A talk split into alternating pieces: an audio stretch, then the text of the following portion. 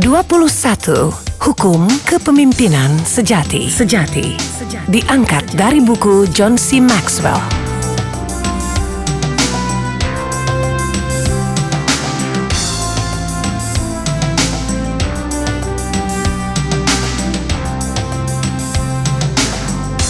Hukum-hukum ini adalah landasan dari kepemimpinan. Semuanya dapat dipelajari. Masing-masing hukum melengkapi yang lainnya. Terapkanlah, maka orang akan menjadi pengikut Anda. Langgarlah atau abaikanlah, maka Anda tak akan dapat memimpin orang lain.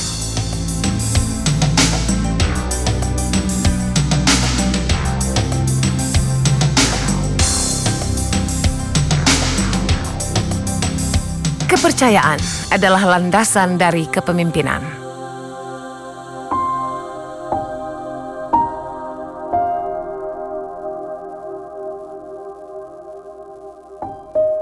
Tak seorang pun pemimpin dapat melanggar kepercayaan orang-orangnya dan berharap tetap dapat mempengaruhi mereka.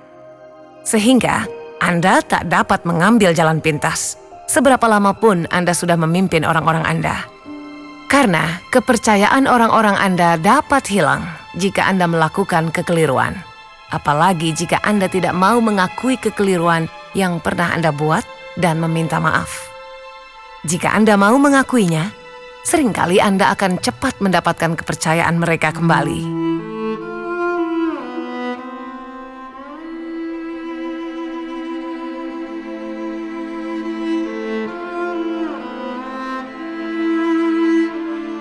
Lalu bagaimanakah caranya membangun kepercayaan? Seorang pemimpin harus memberikan teladan dalam kualitas kemampuan, koneksi, dan karakter. Orang akan memaafkan kekeliruan sesekali, terutama jika mereka dapat melihat bahwa Anda masih bertumbuh sebagai pemimpin. Namun mereka tak akan percaya kepada seseorang yang telah gagal dalam karakter. Dalam hal yang satu ini, bahkan kegagalan sesekalipun akan fatal akibatnya. Semua pemimpin yang efektif mengetahui kebenaran ini.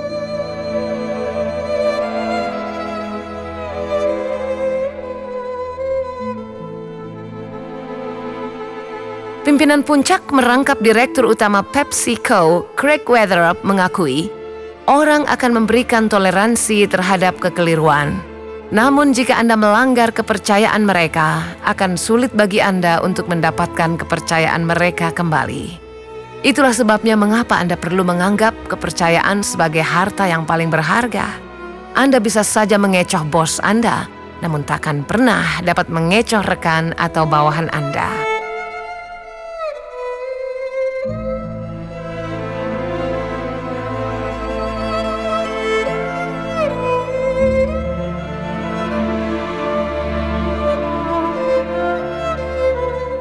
Jenderal H. Norman Schwarzkopf menekankan pentingnya karakter.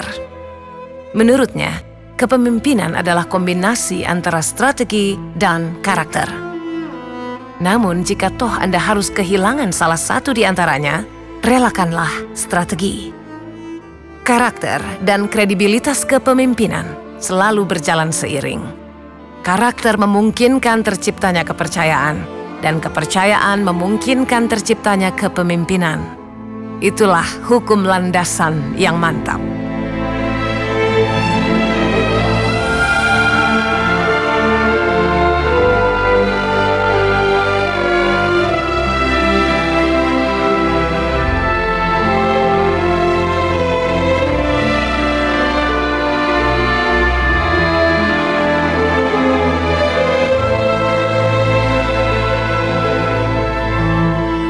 Setiap kali Anda memimpin orang, itu bisa berarti orang-orang merestui untuk menempuh perjalanan bersama Anda.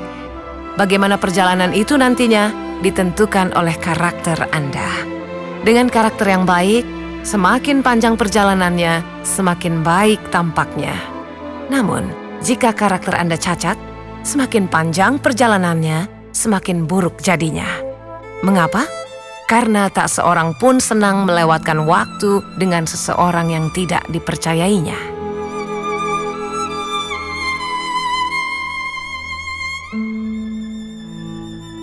Para pemimpin yang tidak memiliki kekuatan batin tak akan dapat diandalkan hari demi hari karena kemampuan mereka terus berubah-ubah. Toko NBA Jerry West mengatakan, Anda tak akan dapat mencapai banyak hal dalam hidup Anda jika Anda hanya bekerja di hari-hari saat Anda merasa senang, karena karakter mengkomunikasikan konsistensi. John Morley menyimpulkan bahwa tak seorang pun dapat melampaui keterbatasan karakternya sendiri. Hal itu sangatlah benar, terutama dalam soal kepemimpinan. Menurut Craig Weatherup, Anda tak dapat membangun kepercayaan dengan membicarakannya.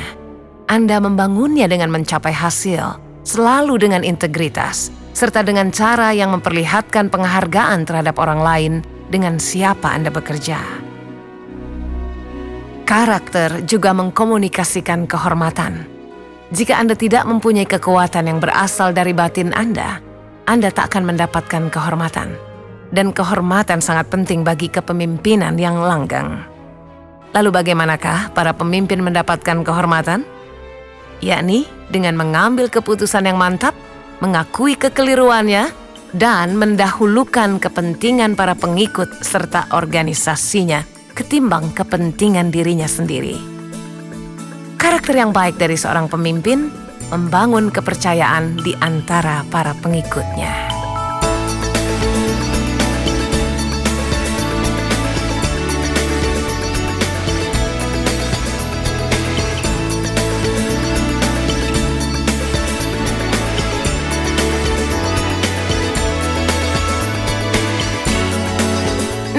Hukum apa lagi kah yang perlu diperhatikan?